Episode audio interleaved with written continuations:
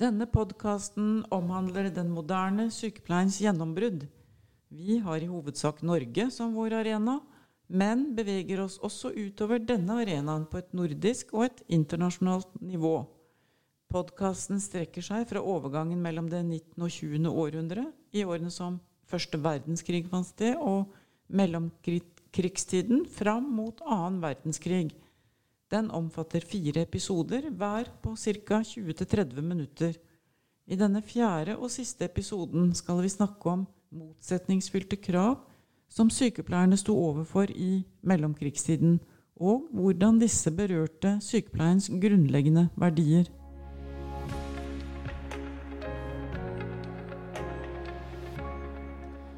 Vi som har laget denne podkasten, er førstelektor Inger Aaser Eiersson og professor emerita Sigrun Balvik, begge tilknyttet Institutt for sykepleie og helsevitenskap, Universitetet i Sørøst-Norge. Podkasten er basert på Sigrun Valviks forskning innen sykepleiehistorie og på hennes doktorgrad om Bergljot Larsson og den moderne sykepleien. Doktorgraden er basert på primærkilder, og i tillegg er en rekke sekundærkilder også brukt. Velkommen til å bli med i et spenningsfylt moderniseringsprosjekt der kall og vitenskap, omsorg og krav, kjønn og klasse skapte både forutsetninger og begrensninger for etableringen og utviklingen av den moderne sykepleien.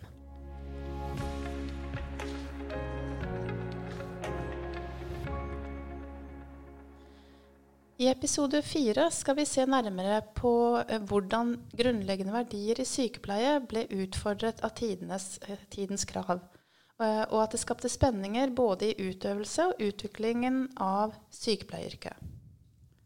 Ja, vi er nå inne i en tid der utviklingen generelt, og innenfor helsevesenet spesielt, stiller nye krav også til hva sykepleie skal være. Jeg tenker at det er på sin plass å raskt repetere noe av det vi tok opp i første episode av podkasten. Her snakket vi mye om kallet, og om at idealet om den barmhjertige samaritan ble den verdslige sykepleiens rettesnor. Og personlige egenskaper som hengivenhet og selvoppofrelse, det var et tegn på kallet. Og akkurat dette gjorde sykepleierne sårbare i den forstand at det var lett å utnytte dem og det gjorde vanskelig for sykepleiere å stille krav. Samtidig var vi inne på at kallet også bidro til å skille faglærte sykepleiere fra de ufaglærte, og dermed også til å gi dem status og legitimitet. Og i framveksten og moderniseringen av den faglærte sykepleien så ble altså kallsideologien et fundament. Og den legitimerte ikke bare feltet og innsatsen, men den skapte jo også en samhørighet og en slags selvforståelse hos utøverne i feltet som det er viktig å tenke på. Så denne selvforståelsen sykepleierne fikk gjennom å identifisere seg med den barmhjertige samaritan, ble den på en måte forstyrret av mer utdanning? Eh, og kanskje da særlig teoretisk utdanning? Ja, det er noe her som ble vanskelig. Generelt sett så var målsettingen om en styrket utdanning der en la større vekt på teori, og der en også fikk en egen faglig ledelse, den var jo helt essensiell i profesjonaliseringen av sykepleien. For dette med utdanning førte egentlig flere visjoner eh, med seg. Jeg kan jo nevne noen. Altså Utdanningen den skulle gjøre sykepleierne kompetente til å lede eget fag. Den skulle kvalifisere dem til å innta flere roller i et helse- og sosialvesen som var i stadig vekst. Og eh, for eh, det ville jo på en måte eh, sikre sykepleieren da, mer myndighet over et mye større fagfelt. Så en kan si at utdanning det ble en nøkkel til å styrke sykepleiernes autonomi og status. Men, men selvfølgelig også kvaliteten på sykepleie. Men altså disse bestrebelsene på å profesjonalisere utdanningen de skapte konflikter. Ikke bare mellom sykepleiere og andre grupper, men, men også innenfor sykepleierens egne rekker. Vil du si at teoretisk utdanning ble en trussel mot kallet og idealene om den barmhjertige samaritan? Ja, det vil jeg absolutt si. Og går vi til kilder da, som omhandler debatter blant sykepleierne om akkurat dette, så viser de at det var en generell uro blant mange sykepleiere for, for den måten som uh, utdanningen utviklet seg på. da. Og, og, de var redde for at, at, dette skulle på en måte sette de tradisjonelle kallsidealene i bakgrunn. Men, men, det var ikke enighet om det her, for det var noen som også hevdet at det opplæringssystemet som hovedsakelig var i praksis, det gjorde jo elevene veldig lett til lett ut, uh, bytte for utnyttelse. Og det ble jo forventet da at de skulle være både oppofrende og forsake og ha et eget liv. Så vi ser på en måte at sykepleieren blir dratt i, eh, i to retninger. Mot akademisering og økt vekt på teori. Og også mot en fortsatt praksisorientert utdanning med kallet og de personlige egenskapene i sentrum. Eh, det skal vi komme litt tilbake til senere i denne episoden. Men det er også et tema som jeg vil oppfordre at de som hører på denne podkasten, diskuterer i lys av dagens sykepleierutdanning. Ja, dette gir jo assosiasjoner til diskusjoner vi har om forholdet mellom teori og praksis i dag. Um, men Sigrun, kan du si noe om hvorfor dette med teoretisk utdanning ble så viktig? Ja, det er helt opplagt at betydningen av teori fikk større og større oppmerksomhet. Og det var flere grunner til dette. For etter første verdenskrig så ble dette med folkehelse det ble et slagord. Og eh, en rekke tiltak førte til at forebyggende helsearbeid, altså primært forebyggende helsearbeid, det fikk et kraftig oppsving. Og dermed så ble det også skapt et potensial for roller da, som var mer ensidig retta mot det å forebygge sykdom. Og det førte til en mye sterkere betoning av den forebyggende funksjonen i sykepleie. Men hvordan forholdt dette seg eh, på et internasjonalt nivå? Ja, Internasjonale sykepleierledere de så opplagt et potensial for hvordan forebyggende sykepleie som en primær funksjon ville styrke sykepleierprofesjonen og gi sykepleiere store muligheter for å innta selvstendige roller da, i det offentlige helsevesenet. Så her var nok eh, profesjonaliseringsinteressene veldig store, tror jeg.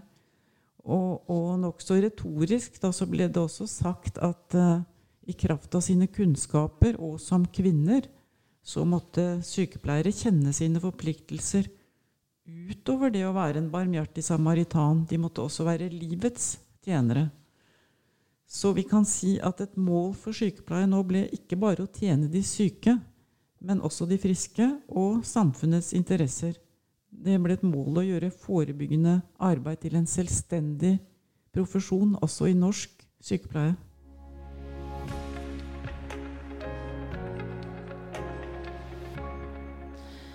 Jeg lurer på dette med sykepleie og forebygging. Var dette egentlig nytt?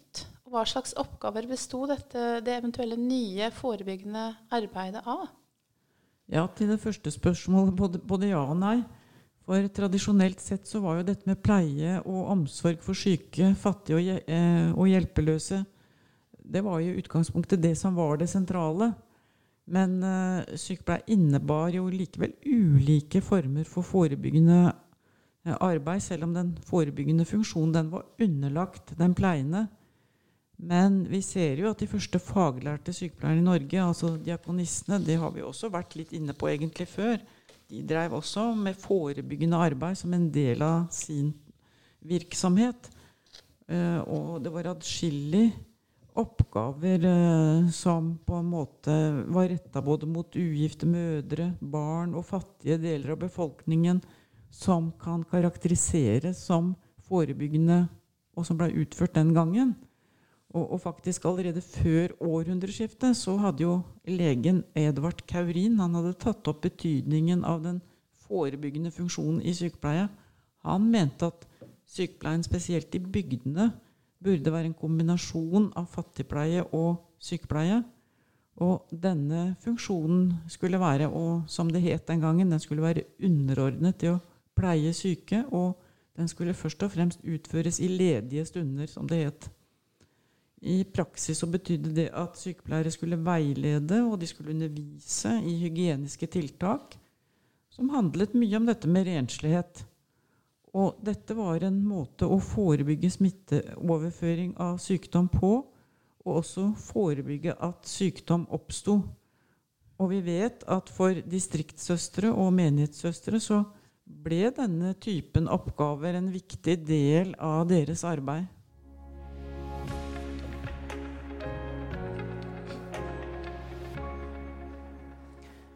Men etter første verdenskrig så ble forebyggende arbeid retta mot nye målgrupper. Og gamle målgrupper de ble på en måte sett på med fornya interesse. Og jeg kan gi et eksempel på det. at F.eks. før første verdenskrig da, så hadde de første kontrollstasjonene for barn de hadde blitt etablert. Og etter krigen så ble det mange flere av disse. Og det ble også etter hvert interessant å iverksette forebyggende arbeid i forhold til mor. Og så ble det flere institusjoner for barn som var utsatt for å få tuberkulose. Skolehelsetjenesten ble mer omfattende og mer systematisk. Og det blir satt i verk tiltak som helsekontroller, skolefrokost og ferieopphold for underernærte barn. Og helserådene ble stadig viktigere. Og det var også eh, områder der arbeidsinnsatsen blei styrka, som også hadde vært før, men nå ble den styrka sånn i forhold til bolighygiene og næringsmiddelkontroll. Og folkehelse ble kort og godt et slagord, og, og dette med opplysning da, det ble et veldig viktig område. Så oppgavene ble altså utvida til også å gjelde det sosialhygieniske området.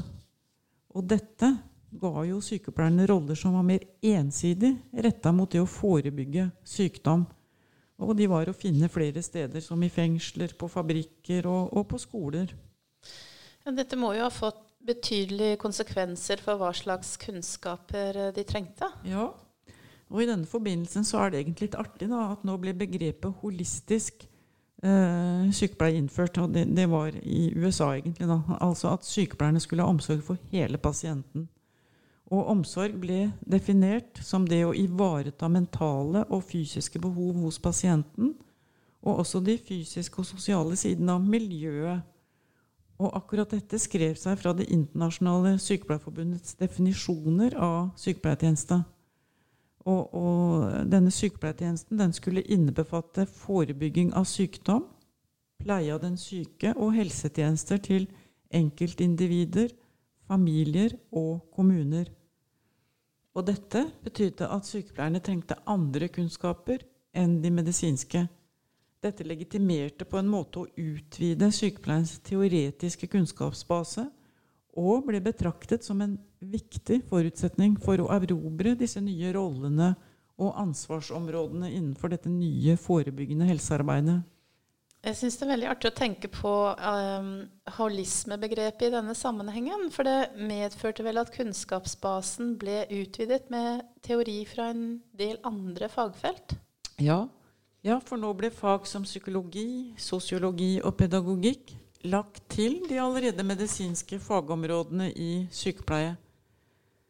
Så dermed var det sånn at sykepleier fortsatte å basere det teoretiske kunnskapsgrunnlaget på andre fagområders vitenskap. Og for å nevne det, da, Bergljot Larsson, var, som var inspirert av internasjonal sykepleie, hun fikk utarbeidet en fagplan som gjenspeilte de samme fagene. Og etter hvert som det ble etablert treårige utdanninger i Norge, så ble disse fagene også innlemmet i fagplanene.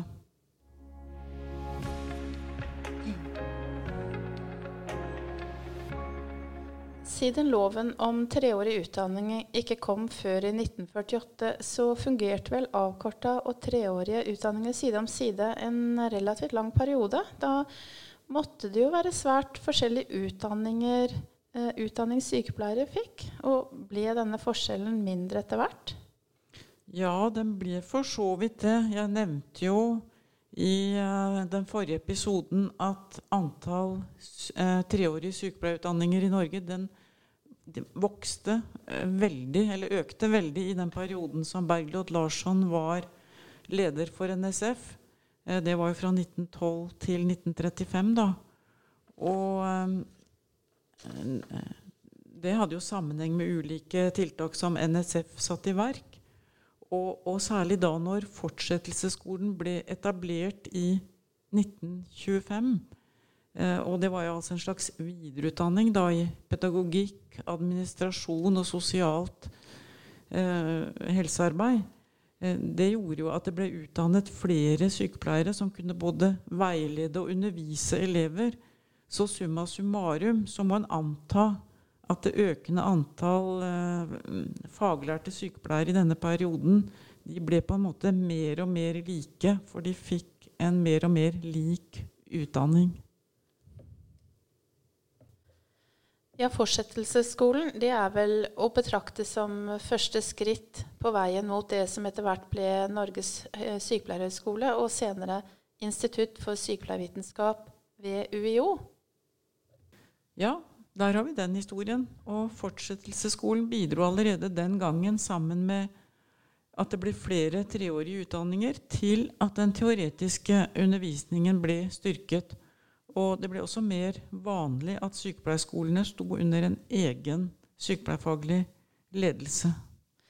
Du var inne på det at det var uenighet i sykepleierens egne rekker når det gjaldt sykepleierens forebyggende rolle.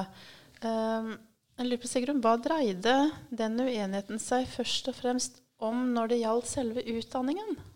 Ja, En kan si at det dreide seg mye om på en måte ulike sider av samme sak. Eh, jeg må i denne sammenheng nevne at i 1920 så ble altså sykepleiernes samarbeid i Norden stiftet. Og det var særlig blant de nordiske sykepleierlederne at uenigheten om selve utdanningen av sykepleierne kom tydeligst fram. Iallfall er det de kildene jeg har lest. De fleste av disse lederne la faktisk hovedvekten på den praktiske utdanningen og på kallets betydning. Eh, og de hevdet at det var med basis i dette kallet, og ikke i vitenskap, at elevene måtte oppdras og utdannes. Så utdanningen måtte først og fremst legge vekt på utviklingen av moral, personlige egenskaper og på den nære omsorgen for pasienten. Så de var derfor imot en sykepleierutdanning med større vekt på vitenskapelig kunnskap, fordi mer teori og mindre praksis ville gå utover den personlige oppdragelsen av elevene, hevdet de. Men noen hevdet også at mer teori ville få en innvirkning på omsorgen for pasientene, slik at sykepleie blei egentlig ikke det barmhjertighetsarbeidet som det egentlig var. Og det var faktisk også enkelte sykepleierledere som mente at en modernisering av utdanning i tillegg ville skape vanskeligheter for driften av sykehusene, og at det til syvende og sist ville gå utover pasientene. Så, og det var heller ikke innlysende at de som hadde størst boklig lærdom, ble de beste eh, sykepleierne, ble det hevda. Hvordan stilte vår norske leder seg i denne sammenheng? Ja, Bergljot Larsson var nok den mest radikale av de nordiske legen, eh, lederne opplagt. Hun var sterkt inspirert av den amerikanske utdanningsmodellen for sykepleiere. Og ønsket å legge stor vekt på det teoretiske innholdet i utdanningen. Så hun mente at uh, utdanningen burde foregå på et større sykehus, sånn som Nightingale-reformen også, også stila mot. Uh, og til forskjell fra de andre lederne da, så fryktet Bergljot Larsson at kallstanken skulle bremse utviklingen både når det gjaldt fag og utdanning, og dermed også hindre sykepleien å bli en profesjon i moderne forstand. Så hun mente altså at sykepleierutdanningen måtte utvikle seg i takt med samfunnets behov. Men hva mente andre utenfor sykepleierens rekker om uh, utdanningsspørsmålet? Ja, utdanningsspørsmålet var helt klart et tvega sverd også for andre samfunnsaktører. For legene så var det viktig at sykepleierne hadde en utdanning som gjorde dem kompetente til å utfylle deres arbeid. Men utdanning var jo også en nøkkel til å styrke sykepleieren som sådan. Som en sterk eh, voksende yrkesgruppe så oppfatta kanskje legene sykepleierne som sine rivaler. Og i den, denne sammenhengen så ble utdanning og mer utdanning opplagt en potensiell trussel. Og videre så var det en rekke institusjoner. De var helt avhengige av å ha mange eh, elever for å klare den økonomiske driften. Sånn at en utvidet sykepleierutdanning med sterkere vekt på teori ville kanskje sette mindre sykehus i en vanskelig situasjon. Så dette er nok viktige grunner til at utdanningsspørsmålet for sykepleiere ble gjort til gjenstand for større diskusjoner både i Norge og i andre land.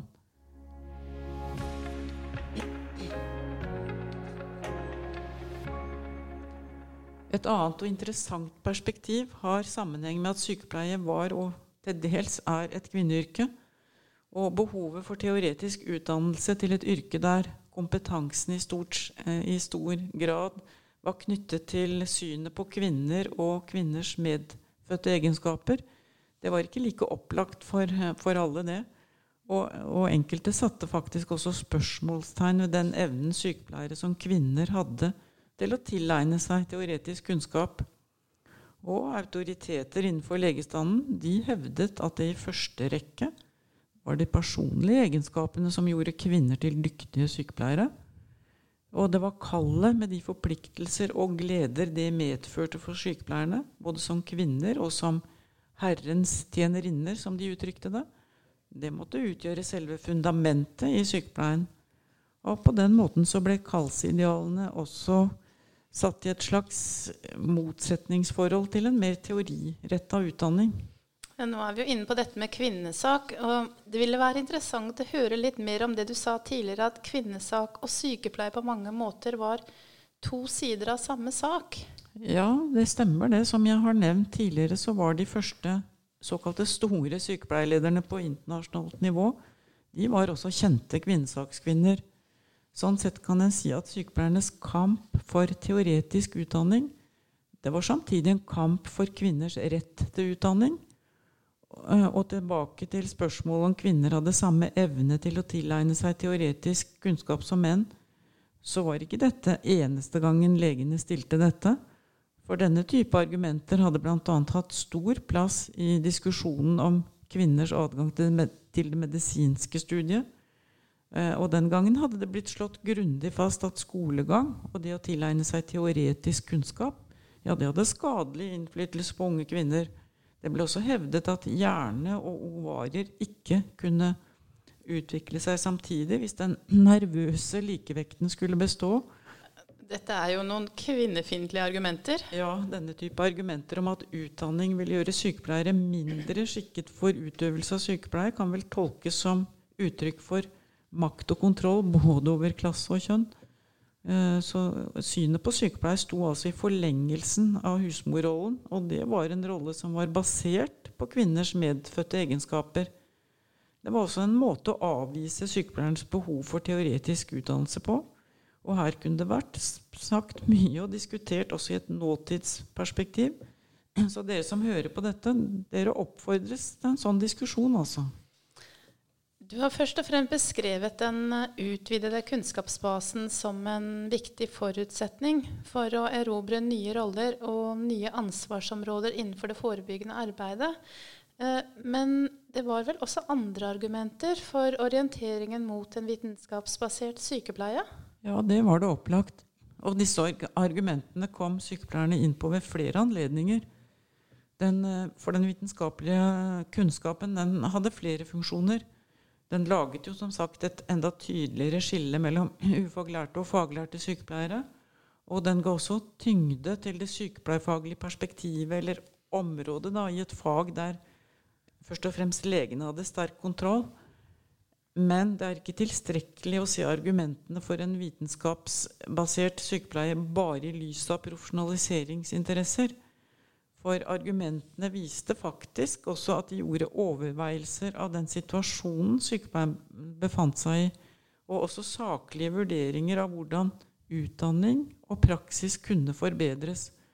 Og dette var særlig aktuelt i et yrke som tradisjonelt baserte seg på forestillinger om kvinners naturlige anlegg for sykepleie. Dessuten hadde jo også sykepleierne forventninger til at vitenskapelig kunnskap skulle bidra til å gjøre sykepleie tryggere og bedre for pasienten. Så vitenskapelig kunnskap var derfor mer enn et middel til å styrke egen makt og posisjon. Eh, for både indirekte og direkte så skulle den også bidra til en bedre sykepleietjeneste og høyere kvalitet på sykepleien til pasientene.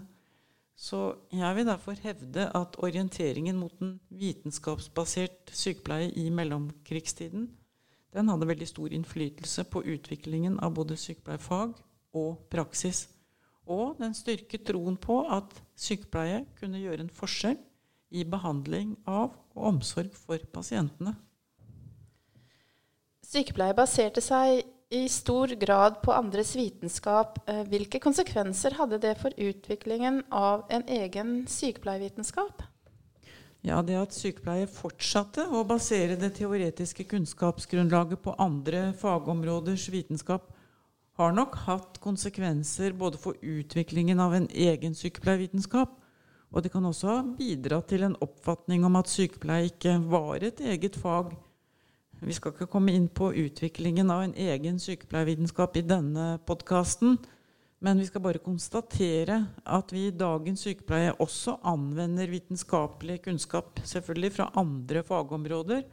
Og i tillegg utvikler vi vår egen sykepleiervitenskapelige kunnskap og jeg tror at de fleste av oss har vel de samme forventningene til denne kunnskapen som det våre formødre hadde til datidens vitenskapelige kunnskap, nemlig at den skal bidra til bedre og tryggere sykepleie til pasientene.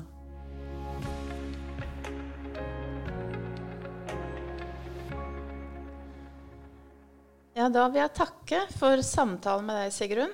Jeg syns jeg har fått en ny forståelse for hvor viktig det er å være oppmerksom på at det er mange krefter og ulike interesser som styrer både innholdet på sykepleierutdanningen, og som påvirker hva sykepleie skal være, eller kanskje bedre hvem faget skal tjene. Eh, dette er faktisk utrolig viktig å være bevisst på. Og så er jeg utrolig stolt av de kvinnene som gikk foran og banet vei for sykepleie som et eget fag og en egen profesjon. Så la oss gi dem vår hyllest.